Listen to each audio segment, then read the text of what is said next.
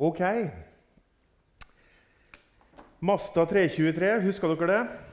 De som har vært her før, i hvert fall, de husker det var metoden for å huske hvor vi skulle være hen når vi skal lese om Herrens høytider. Og de som har hatt en gammel Masta, de har sikkert også hatt en Masta 323. Derfor er det tredje Mosebok, kapittel 23, som er hele samlingen av Herrens høytider. Og Vi er kommet til den femte timen. Det betyr ikke at vi skal holde på en hel time, så slapp av. Men eh, det er i hvert fall den siste eh, undervisningen da, om Herrens høytider som vi skal ha i lag. Og da er det sånn at det I dag er det rett og slett fremtiden det handler om. Um, jeg syns vel egentlig at vi taler mindre og mindre om fremtiden. Eh, I mange kristne sammenhenger. Hva er det som venter oss der fremme? Hva er det som kommer til å skje? Selv om Bibelen er spekka av det budskapet, så er det veldig ofte at det er forsvinnende lite om det. Vi kristne vi er blitt så opptatt av å ha det best mulig her vi er akkurat nå. Vi også, slik at å få med oss noen inn i evigheten er nesten ikke viktig for oss lenger heller. Det viktigste er at alle må ha det bra her og nå. Og Det er godt å ha det bra her og nå, men det er en kort, liten periode som har betydning for hele evigheten, og det er kjempeviktig. Og Jesus han sier I Lukas 12 så, så, så sier han til folkemengden som står rundt ham der så sier han at når dere ser at skyene kommer, ja, da, da tolker dere de skyene, og så sier dere at nå blir det snart regn. sier han. Og Når dere ser farger på himmelen, så kan dere si litt om hvordan været blir i morgen. Det neste han sier, det er 'hyklere', sier han. Så jeg tenkte at ok, her er det best å slutte å se på værmeldinga og avinstallere Yri fra mobiltelefonen. Men hva er poenget til Jesus, da? Jo, det kommer i neste setning. Han sier 'hyklere'. Altså, Værmeldinga kan dere tyde. Men denne tiden dere lever i, kan dere ikke tyde. Og Det er litt viktig. Hvor mange kristne mennesker er det som faktisk er så opptatt av Guds profetiske ord at de ser rundt seg at det Gud har sagt, det faktisk skjer? Så jeg tenker det at Når Jesus sier det sånn, så er det helt greit å være opptatt med fremtiden. Og da er det sånn at vi har vært gjennom disse fire første bolkene her. Nå er det kanskje noen som ikke har vært med på alle. og litt sånt. Dette skulle vi egentlig hatt som et bibelkurs med obligatorisk oppmøte, sånn at vi var sikre på at alle fikk med seg alt. Men vi skal prøve å oppsummere litt. i hvert fall. Vi har snakka om høytider og sabbat, som eh, vi ser i 3. Mosebok 23. Vi begynner der med sabbaten. Og så kommer de syv årlige høytidene som Israel fortsatt feirer. De feirer påske og de usyrede brøds høytid og førstegrødens dag i løpet av ei uke. Og så kommer pinse 50 dager etter. Og så er det at vi i dag skal snakke om tre høytider, faktisk. Basunklangdagen, forsoningsdagen og løvhyttefesten. Og Det er egentlig tre svære tema. Så det blir en sånn hva vi skal kalle det, en speed date med tre høytider i dag. Men det som er fint, det er det at disse tre høytidene som vi snakker om i dag, det hører fremtiden til rent profetisk. I 3. Mosebok kapittel 23 så fikk vi profetisk høre om den kommende påska. Altså, de skulle feire dette her. Og så var det et profetisk budskap om fremtiden. At her skulle Guds påskelam komme og oppfylle påska. Og de usyrede brøds høytid og førstegrødens dag og pinse det er ting som 3. Mosebok 23 peker frem imot, men som vi vet er oppfylt. Og Da vet vi at førstegrøden den er sanka inn. Og så går det altså fire måneder før disse tre høsthøytidene kommer. Og Disse tre høytidene på høsten også, de skjer i løpet av bare noen uker på høsten. De ligger veldig tett inntil hverandre. Um, og det passer bra med at vi lever nå i en innhøstningstid. Det er høsten som pågår, og så er det noe som ligger foran. Og Det som ligger foran, det er, handler litt om feiringen av den høsten som de hadde fått inn. Og det handler litt om eh, etter høsten også. Her er egentlig mange detaljer, men vi skal ta bare litt av de. Så vi leser i 3. Mosebok 23, vers 24 og 25. Og Herren talte til Moses og sa:" Tal til Israels barn og si:" I den syvende måneden, på den første dagen i måneden, skal dere holde hviledag og blåse i trompet til påminnelse og en hellig sammenkomst. Da skal dere ikke gjøre deres vanlige eh, arbeid, og dere skal ofre ildoffer til Herren. Så det er altså basunklangdagen han snakker om her. Dette skal dere gjøre, Israel. Så skal vi lese om forsoningsdagen, eller Jom kippur. I de neste versene, vers 26-28, Herren talte til Moses og sa:" Men den tiende dagen i den samme sjuende måneden er det soningsdag. Da skal dere holde en hellig sammenkomst, og dere skal faste og ofre ildoffer til Herren. Den dagen skal dere ikke gjøre noe arbeid, for det er soningsdag. Da skal det gjøres soning for dere, for Herren deres Guds åsyn. Og vers 33-34.: Tal til Israels barn og si fra den femtende dagen i denne samme sjuende måneden skal løvhyttefesten holdes for Herren. Og den skal vare i sju dager. Så, altså, etter fire måneder med innhøsting og pinsefestens dag så har vi altså basunklangdagen, den første dagen i den tiende måneden. I den sjuende måneden, den første dagen. Eh, og det er også den samme dagen som de kaller for sin nyttårsdag i Israel. Rosh Hashanah. Eh, så det er gjerne den dagen som får litt sånn eh, overveldende oppmerksomhet. Det er nyttårsdagen. Så basunklangdagen drukna litt i, i dagens israelske feiring. Men de virkelig ortodokse jødene de holder seg da til, til basunklangdagen, som er foreskrevet av Herren. Forsoningsdagen er jo en vanskelig dag for eh, jødene som ikke har et tempel. De har ikke et tabernakel.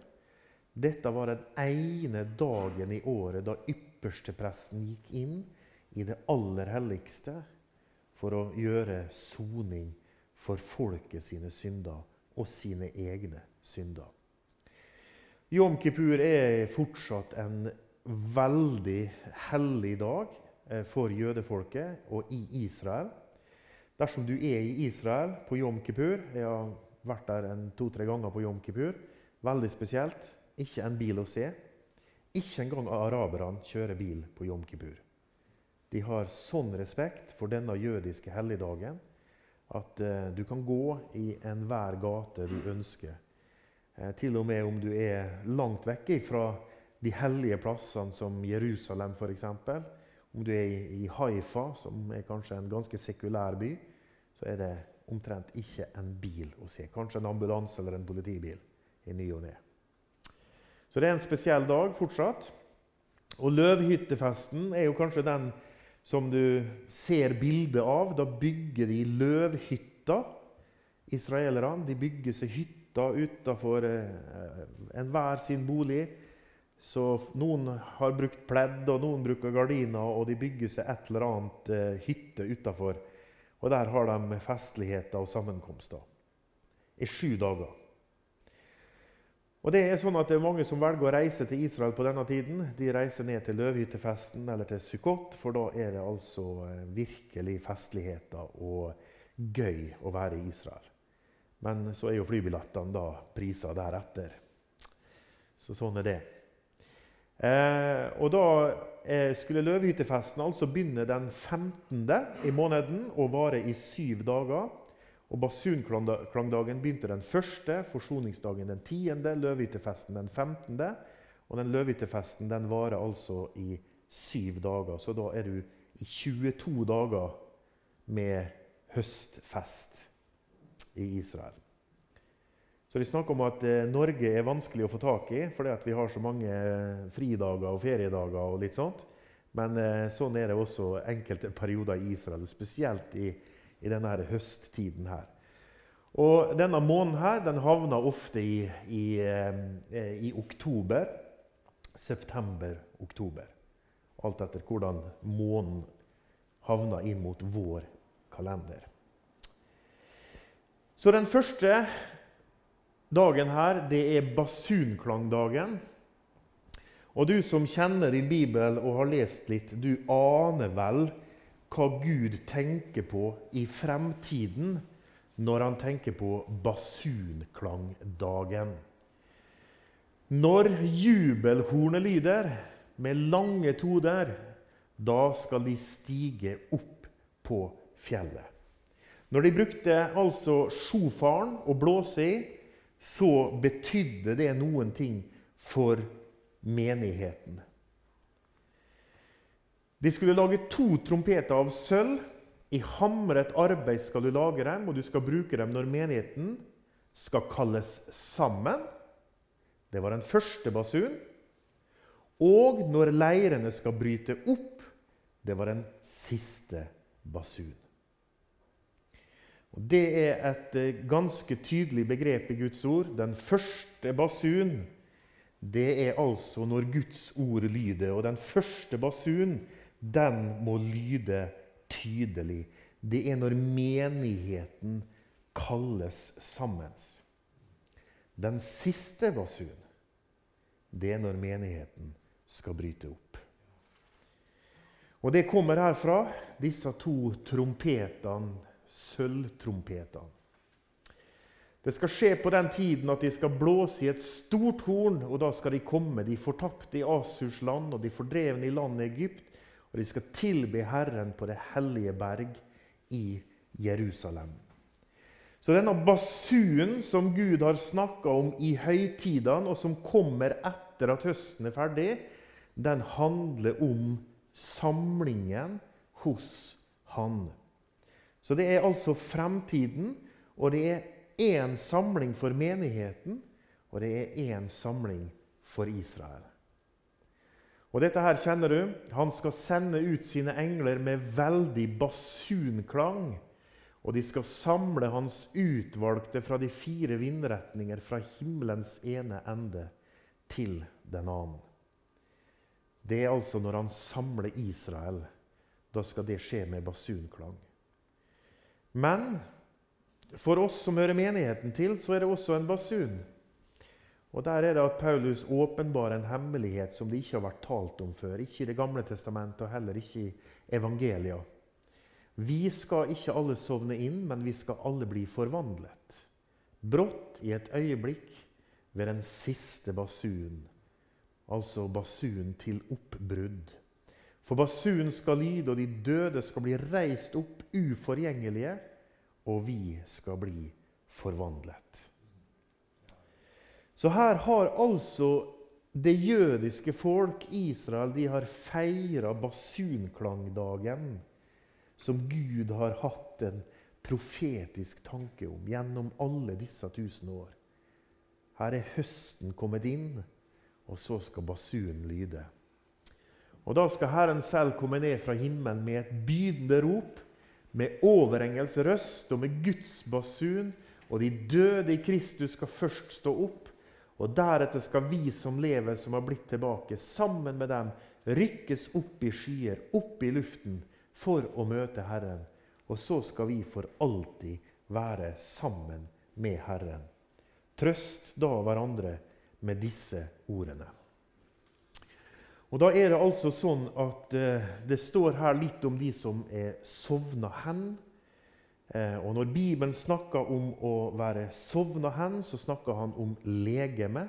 Det er ikke slik at et frelst menneske som dør, går inn i en eller annen sovende tilværelse. Paulus er helt tydelig når han sier han har lyst å forlate legemet for å være sammen med Herren. I det øyeblikket et frelst menneske dør, så går det mennesket rake veien i Jesu armer. Men legemet, det blir liggende her. Det blir gravlagt. Og et nytt legeme, det får vi først på denne dagen, når basunen skal lyde. Da skal de som allerede er gått bort, de skal sammen med oss de skal få oppleve bortrykkelsen, de òg. Sammen med oss. I et herliggjort, splitter nytt legeme. Som veier nøyaktig passelig. Er ikke det veldig greit å vite? Hæ? Som har akkurat det riktige antall rynker og er passelig sprek. Og i tillegg kan gå gjennom stengte dører. For det kunne Jesus. Vi skal bli han lik. Tenk på det. Han gikk gjennom stengte dører. Plutselig kunne han være til stede. Og hver gang han åpenbarte seg etter oppstandelsen, så spiste han mat. Det er veldig greit. Vi skal kose oss med litt mat sjøl med et nytt legeme. Ja, Vi kan i hvert fall få lov til å tenke sånn. Det skal bli en herlig tid. Og dette her, folkens, det er så nært forestående at vi skulle nesten ha sagt litt om det òg. Når du er mer opptatt av Guds ord enn av værmeldinga, som Jesus sa, så er det ikke tvil om at det som skjer i verden, med Israel, i politikk, i sykdom, pandemi, har Jesus snakka om. Jordskjelv, krig, hva som skjer med himmellegemer, med naturen, med endringer i naturen. Følger du med, så ser du det at tiden heretter den er kort. altså. Og da skal vi få oppleve det her, vi som hører han til. Så er det da den store forsoningsdagen, som kommer ti dager etter basunklangdagen. Herren talte til Moses og sa i den tiende dagen i den samme sjuende måneden er det soningsdag. Da skal dere holde en hellig sammenkomst, og dere skal faste og ofre ildoffer til Herren. Den dagen skal dere ikke gjøre noe arbeid, for det er soningsdag. Da skal det gjøres soning for dere for Herrens, deres Guds åsyn. Og Den står det litt om i 3. Mosebok kapittel 16. Hele det kapittelet handler egentlig om Jom Kippur, om den store forsoningsdagen. Og det her var en stor begivenhet i Israel, og du kan også lese om denne begivenheten i Hebreerbrevet. Og hele fortellingen rundt ypperstepresten sin oppgave, og at Jesus er vår ypperste prest, det er et studium som du godt kan bruke litt tid på. og Da må du være i hebreerbrevet ganske mye. Men det er rett og slett et flott studium. Denne dagen skal det gjøres soning for dere for å rense dere, så dere blir rene for Herren fra alle deres synder. En høyhellig sabbat skal det være for dere. Og så er det noen sånne begreper jeg tenker vi må få på plass. Hva vil det si å være forsont? Eller å være forlikt? To eh, ord som vi ikke bruker så veldig ofte. I hvert fall ikke når jeg snakker med mine unger, så sier jeg kanskje at nå burde vi bli forsont eller forlikt. Eh, men min mor sa det faktisk noen ganger til meg, at nå må ikke dere være uforlikt, sa hun når vi krangla. Og det er rett og slett det det handler om. Å være uforsont kan føre til at du blir forsont, altså, hvis du gjør opp. Da forsoner du de to som, som strider. Eller du er uforlikt. Og eh, Biblene våre oversetter det av og til med uforsont og, eller med forsoning og med forlikelse. Det er litt forskjellig fra bibel til bibel. Men å være uforsont eller å være uforlikt det er egentlig det samme. Det er to parter som ikke går i lag. Og I Norge har vi faktisk noe som heter forliksråd. Eh, eh, Istedenfor å havne i rettssalen, så kan du havne i forliksrådet. Og det er to parter som er uforlikt, som kan bli forlikt. Og det er altså forsoningen. Det handler om å bli forsont. Vi blander det gjerne med soning. Og soning er egentlig noe annet enn forsoning. Og det er lett å blande når du leser. Forsoning mellom Gud og menneske krever en soning. Så Hvis du husker den setninga Skal du bli forsont med Gud, ja, så kreves det en soning, et sonoffer, rett og slett. Og Så leser vi om dette her i 2. Korinterbrev 5, om forlikelsen og det å bli forsont. Og hele hemmeligheten her, den kan du altså lese om i Hebrebrevet. Skal ikke vi ta oss tida til nå. Men påsken som vi hadde om sist gang, det handla om Jesus som Guds lam. Jesus som rett og slett soningsofferlammet. Mens den store forsoningsdagen, det handla om Jesus som ypperste prest, som har gått inn i det aller helligste og er der i dette øyeblikk og representerer oss. Så han er vår ypperste prest, Jesus. Um, men den virkelig store begivenheten skal vi si litt om òg. Altså, jeg har tatt med noen vers her. Hvis noen synder, har vi en talsmann hos Faderen. Det er altså eh, rollen han har som ypperste prest i det aller helligste. Jesus Kristus er der. Han er talsmann. Og han er en soning for våre synder. Og det er ikke bare for våre, men for hele verdens. Så vi har en ypperste prest som er og befinner seg i det aller helligste. Og I brevbrevet 9 Kristus gikk ikke inn i en helligdom som var gjort med hender og bare er et bilde av den sanne helligdommen. Men han gikk inn i selve himmelen for nå å åpenbares for Guds åsyn for vår skyld. Så den spenningen som israelsfolket sto og kjente på når ypperstepresten gikk inn i det aller helligste, den spenningen de sto og kjente på om han ble fortært, eller om Gud aksepterte hans offer. Den spenningen trenger ikke vi å kjenne på. For vi kan lese om at Jesus han har for alltid satt seg hos Faderens høyre hånd. Og det er helt spesielt. Den ypperste prest kunne aldri sitte inne i det aller helligste. Men det gjorde Jesus. Fordi han var fullkomment ferdig med det offeret. Vi trenger ikke å stå i spenning og vente, for vi vet at han er der inne. Og nå, altså på søndag formiddag klokka ett Nå er Jesus der og åpenbarer seg, ikke for sin egen skyld, men for vår skyld. Der er han. Det er altså han som er soningen. Han er årsaken til at vi kan forsones med Gud. Han stilte Gud til skue i hans blod som en nådestol. Heldig er du som har en oversettelse som skriver 'nådestol' i Romerbrevet 3. Eller sonofferlokk. For da vet du med en gang at oi, dette handler jo faktisk om paktarken'. i tabernaklet. Spennende. Og det er akkurat det han mener. Jesus er stilt til skue som en nådestol ved troen.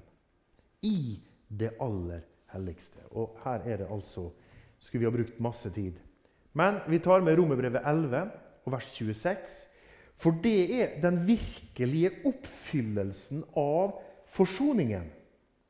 Nå er menigheten rykka bort. ikke sant? Basun har lydd. Menigheten er rykka bort. Verden går inn i en trengselstid som verden aldri har sett før. Som ikke jeg og du venter på, for vi venter på Jesus. Vi venter at han skal komme og hente oss. Men denne verden skal inn i en grusom trengselstid. Og det er Guds og lammets vrede som rammer denne verden, kan vi lese i Johannes' åpenbaring kapittel 6.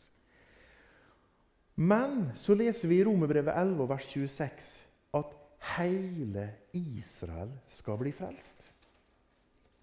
Og i Sakarias 12 leser vi om hva som skal skje. Da virkelig den store forsoningen mellom Gud og Israel skal skje.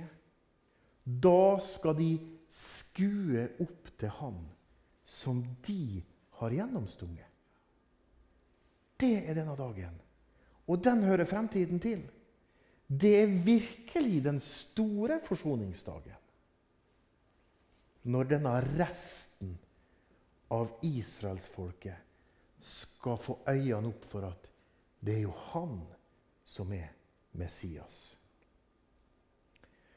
Og jeg har bare lyst til å si det at I 1948, når Israel ble oppretta, så var det ca.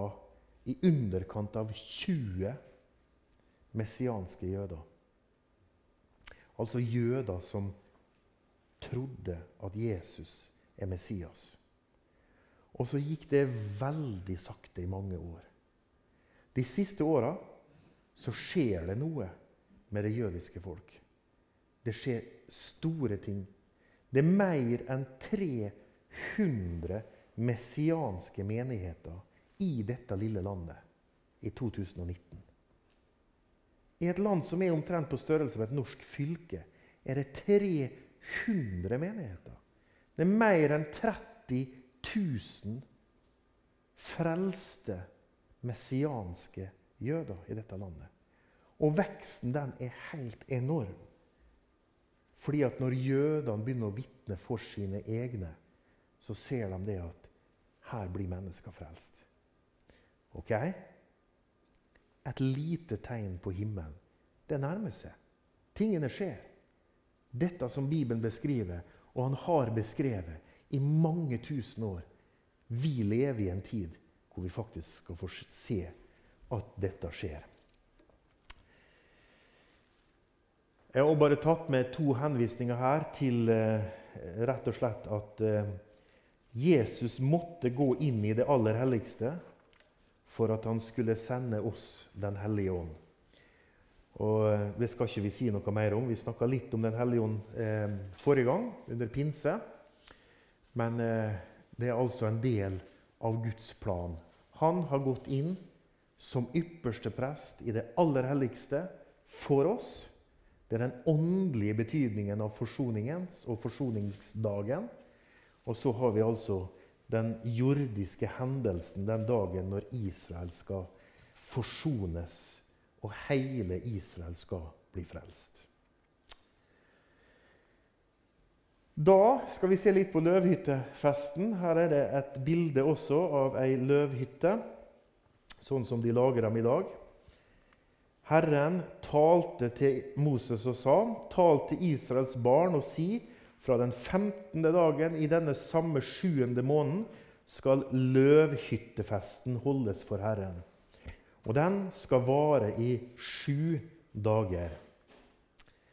Og I vers 41-44 i samme kapittel, 23 Denne høytiden skal dere holde som en fest for Herren sju dager om året. Det skal være en evig lov for dere fra slekt til slekt. Så det driver de med fortsatt. I den sjuende måneden skal dere holde denne høytiden. Dere skal bo i løvhytter i sju dager. Alle innfødte i Israel skal bo i løvhytter, for at deres etterkommere skal vite at jeg lot Israels barn bo i løvhytter da jeg førte dem ut av landet Egypt. Jeg er Herren deres Gud, og Moses kunngjorde Herrens høytider for Israels barn. Og så er det jo sånn som vi har sagt før, du som har vært med oss før, disse her syv høytider de er jo de er, enten, de er enten til å minnes noe eller å feire noe, samtidig som de har et profetisk budskap. Sånn? Både påska og de usyrede brøds høytid og førstegrødens dag. Det var feiring, og det var til minne om noe som hadde skjedd. Men det hadde jo i høyeste grad et profetisk budskap som Jesus kom og oppfylte. Og Sånn er det med disse tingene her òg. Og løvhyttefesten det feirer de altså til minne om at de ble redda ut fra Egypt. Femte Mosebok skal vi ta med, kapittel 16 og vers 13. Løvhyttefesten skal du holde i sju dager når du har samlet inn fra din låve og fra din vinpresse. Så nå har han samla inn. Du skal være glad på din høytid, du og din sønn og din datter og din trell og din trellkvinne og levitten og den fremmede og den farløse og enken som bor i dine byer. Sju dager skal du holde høytid for Herren din Gud, på det stedet Herren utvelger. For Herren din Gud skal velsigne deg i all din avling og i alt det du tar deg fore, så du kunne være full av glede. Så Dette er en gledesfeiring, og det er en gledesfeiring som er av en slik karakter at gleden til Israel skal smitte over på også de som er rundt dem. Og alle er inkludert i denne feiringen. Her er det en feiring hvor Israel skal bety noe for andre. Og Nå har vi altså snakka om eh, basunklangdagen, bortrykkelsen og samlingen. Og så har vi snakka om forsoningen, på, altså når Jesus kommer tilbake på Oljeberget. Og de skal se opp til han, og hele Israel, den resten som er igjen, skal bli frelst. Og hva er det da som skjer? Jo, da går vi inn i tusenårsriket. Og det er det som løvehyttefesten viser oss og er et profetisk bilde på. I Sakarias kapittel 14 leser vi alle de som blir tilbake av alle de hedningefolkene som angrep Jerusalem. Altså, Her var noe som skjedde i den store trengsel. han beskriver.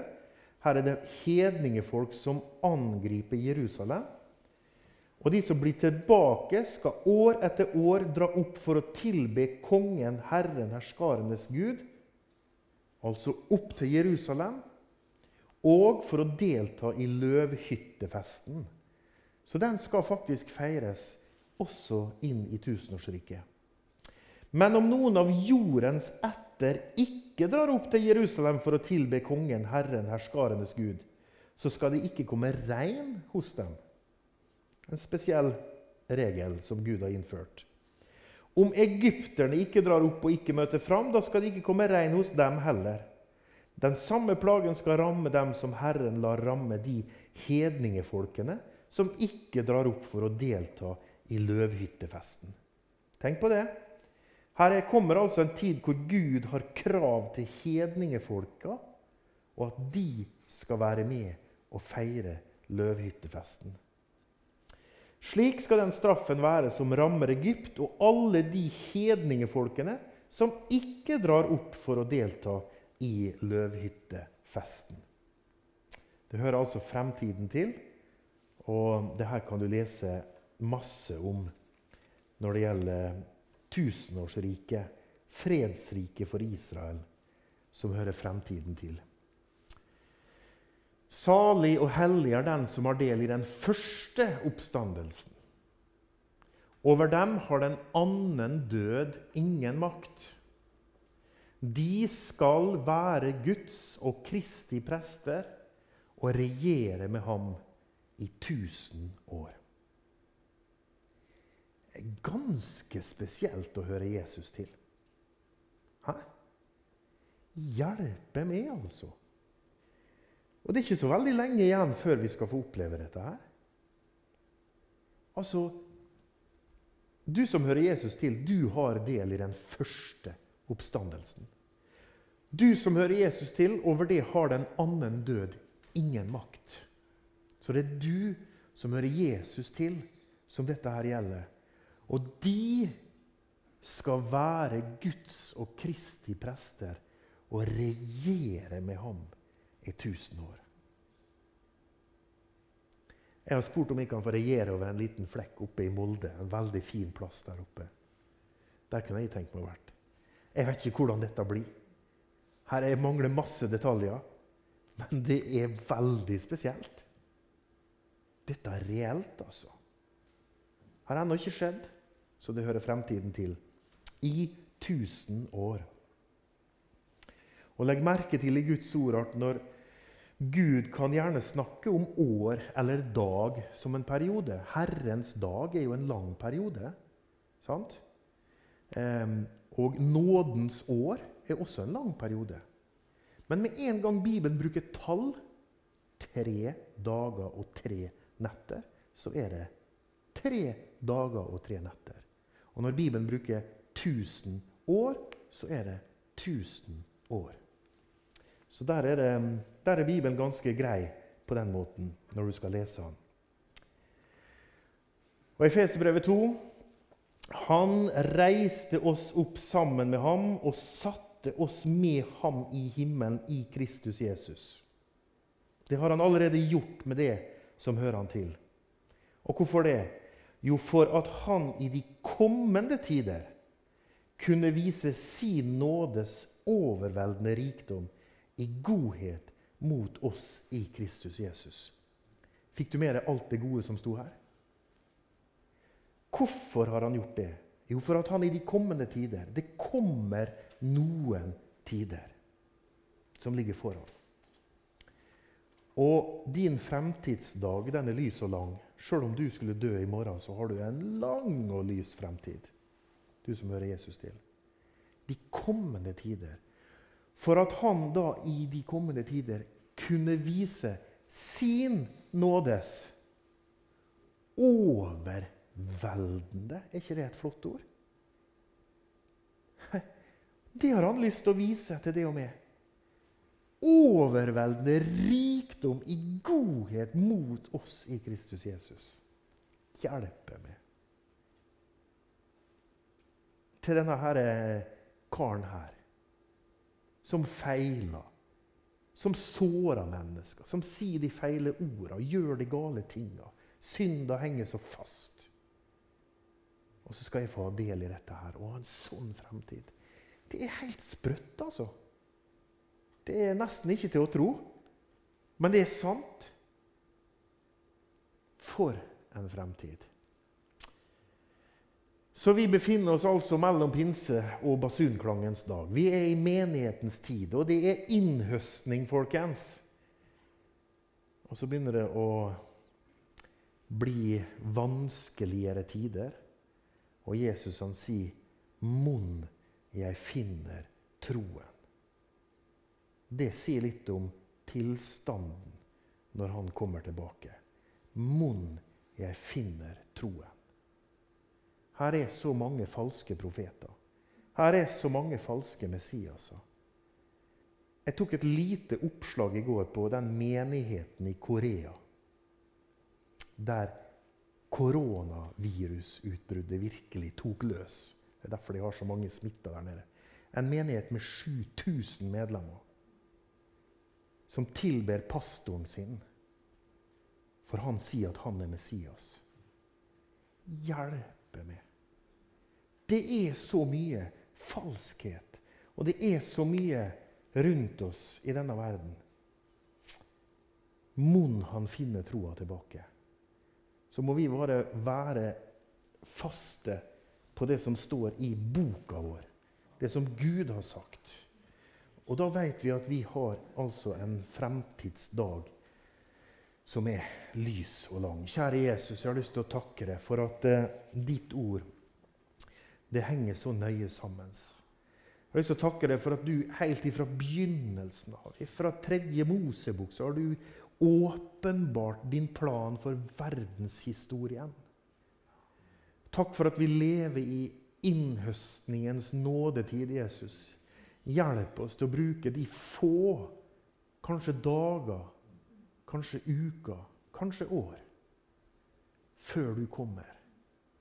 Kjære Jesus, vi ser på verden rundt oss når vi tyder denne tiden. Tiden heretter er kort. Basun kommer til å lyde ganske snart. Og du skal ta oss med det inn i din herlige himmel. Og så skal vi få være med og oppleve en overveldende rikdom som du vil vise i ditt godhet mot oss. Vi skal være ved lammets bryllup, og vi skal glede oss. Og så skal vi gå inn i ditt fredsrike og være sammen med det som dine medregenter. Det er mer enn jeg kan fatte, Jesus. For en fremtid. For en spenning å høre det til. Jesus, la oss bruke tiden her vi er, for det kan gå fort. Amen.